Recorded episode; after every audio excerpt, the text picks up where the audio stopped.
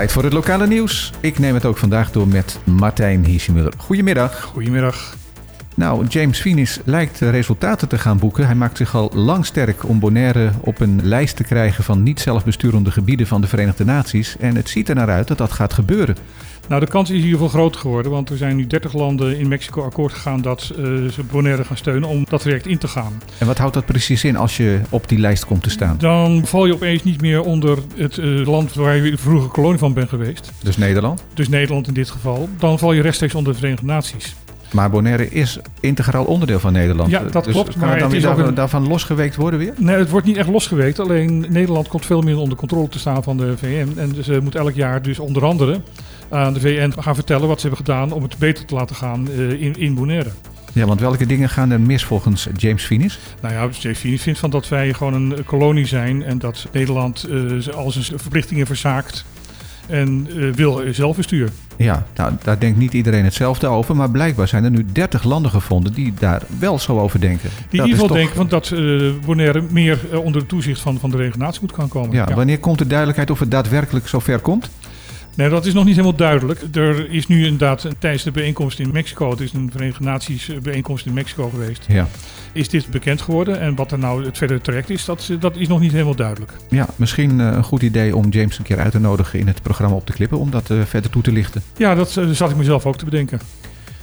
Er is een jeugdgevangenis op Bonaire. Ik wist niet dat dat er was. Ik heb begrepen dat er vier plaatsen voor gereserveerd waren, maar dat dat nu tekort blijkt te zijn.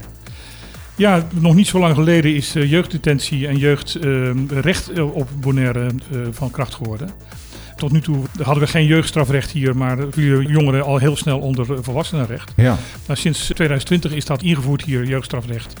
En daar hoort ook bij dat er dus jeugddetentie moet zijn.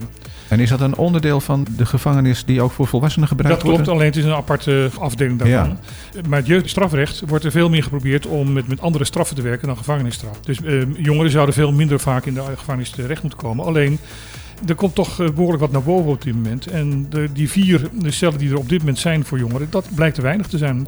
Dus dat zou dan al heel snel moeten worden uitgebreid? Dat zou heel snel moeten uitgebreid worden en ze zijn daarmee bezig.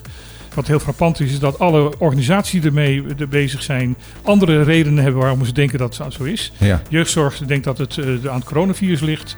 De OM zegt dat het veel alcohol- en drugsmisbruik is en huiselijk geweld. En de officier van justitie zegt van, nou de ouders zouden eens een keer hun verantwoordelijkheid moeten nemen. Nou, het zal wel een combinatie van alle drie zijn, denk ik. Ik denk het ook. Iedereen die langs het stadion rijdt, ziet zelf ook wel dat er van alles op dat terrein uh, wordt opgeslagen. Daisy Koffie noemt het rommel. Nou, ik noem maar uh, containers. In ieder geval, er staat van alles wat volgens haar daar niet thuis hoort. Nou ja, het begint wel steeds meer opslagplaats te worden. Er komen steeds meer containers te staan. Als er iets in het uh, de stadion bezig is, kan je bijna niet meer parkeren omdat alles vol staat. Um, is dat ook een free-for-all? Kan iedereen daar gewoon zijn eigen spullen parkeren? Nou, nee, ik geloof het niet. Ik geloof dat er een aantal bedrijven daar uh, toestemming voor hebben. Maar het loopt wel steeds verder op. En ik moet deze koffie wel gelijk geven. Uh, mooi gezicht is het niet. En het levert uh, waarschijnlijk ook nu best wel uh, gevaarlijke situaties op. Ja, ik kan me inderdaad voorstellen bij een uh, belangrijke sportwedstrijd dat dan inderdaad de parkeergelegenheid zwaar onder druk komt, zodat die auto's dan ergens anders moeten gaan parkeren. Ja, en Koffie constateert vragen aan het bestuurscollege levert geen antwoorden op. Ja, waar moet het antwoord dan vandaan komen? Ja. Net als in Nederland is er op de Besseilanden ook een uh, groot tekort ontstaan aan verpleegkundigen. Inmiddels is er een oplossing in Nederland om dat tekort weg te kunnen gaan werken. Dat klopt. Het opleidingsinstituut van het UMC in Amsterdam, het VUMC Academie, heeft hierin gehandeld en heeft snel gehandeld. En die heeft daar eh, samen met alle ziekenhuizen van de eilanden, die ondertussen zich hebben verenigd in Dutch Caribbean Hospital Alliance, een opleiding gestart waar nu 100 verpleegkundigen binnenkort uh, zullen afstuderen. Ja, ik heb begrepen dat de eerste 31 uh, nog deze maand het certificaat al in ontvangst mogen nemen. Ja, 28 maart zullen de eerste 31 daar al een certificaat van krijgen, wat heel erg snel is. En op die manier gaan heel snel de verpleegkundige tekorten hier wel opgelost worden. Ja, ik zei Bes-eilanden, maar het geldt natuurlijk ook voor, geldt voor Aruba, Curaçao en Sint Maarten. Het geldt voor alle zesde eilanden. Ja. Langzaam maar zeker gaan we weer richting zomer. En net als andere jaren gaat de KLM dan het aantal vluchten naar de eilanden uitbreiden. Ja, en behoorlijk, want KLM gaat uh, in ieder geval naar Bonaire, Aruba en Curaçao uh, dagelijks vliegen. Curaçao zelfs twee keer per dag. Um, op Sint Maarten wordt er zelfs drie tot vier keer per dag gevlogen. Maar dat komt omdat dat in samenwerking is met Air France voor het Franse gedeelte. KLM zelf vliegt maar drie keer per week naar Philipsburg. Ja. Maar men verwacht een hoop eh, toestroom in de zomer van nieuwe eh, toeristen. En eigenlijk verwachten ze ook dat de toename aan toeristen uit Nederland niet zal gaan minderen. Nee, jij zegt dagelijks naar Bonaire, maar vliegen ze al niet dagelijks op Bonaire? Nou, ik geloof dat ze nu nog één dag overslaan Ja? of zo. Oh, nou. Maar dat is niet helemaal, niet helemaal zeker. Zouden we even moeten nakijken. Dus voor Bonaire zou er dan wellicht één vlucht per week bij komen Ja. in die drukkere periode. Nou ja, het zou mooi zijn als ze een keer ook gewoon rechtstreeks naar Bonaire vliegen. KLM vliegt nu constant via Aruba. Inderdaad, dat zou fijn zijn. Het is tijd voor het weer.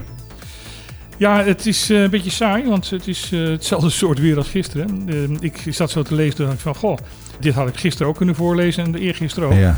Het betekent dus eh 30 graden maximum in de middag, 25 graden minimum in de avond.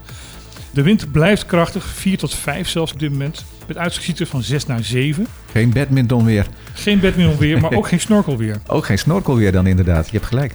En dat betekent ook dat de golven aan de oostkant vooral ook ehm, ja, tot, eh, tot over de 2 meter gaan. Ja, dus voorzichtigheid geboden aan die kant. Ja, dat klopt. En vooral kleine schepen moeten er een beetje mee uitkijken. Inderdaad. Nou, Martijn, bedankt weer. Tot morgen voor de volgende editie. Tot morgen.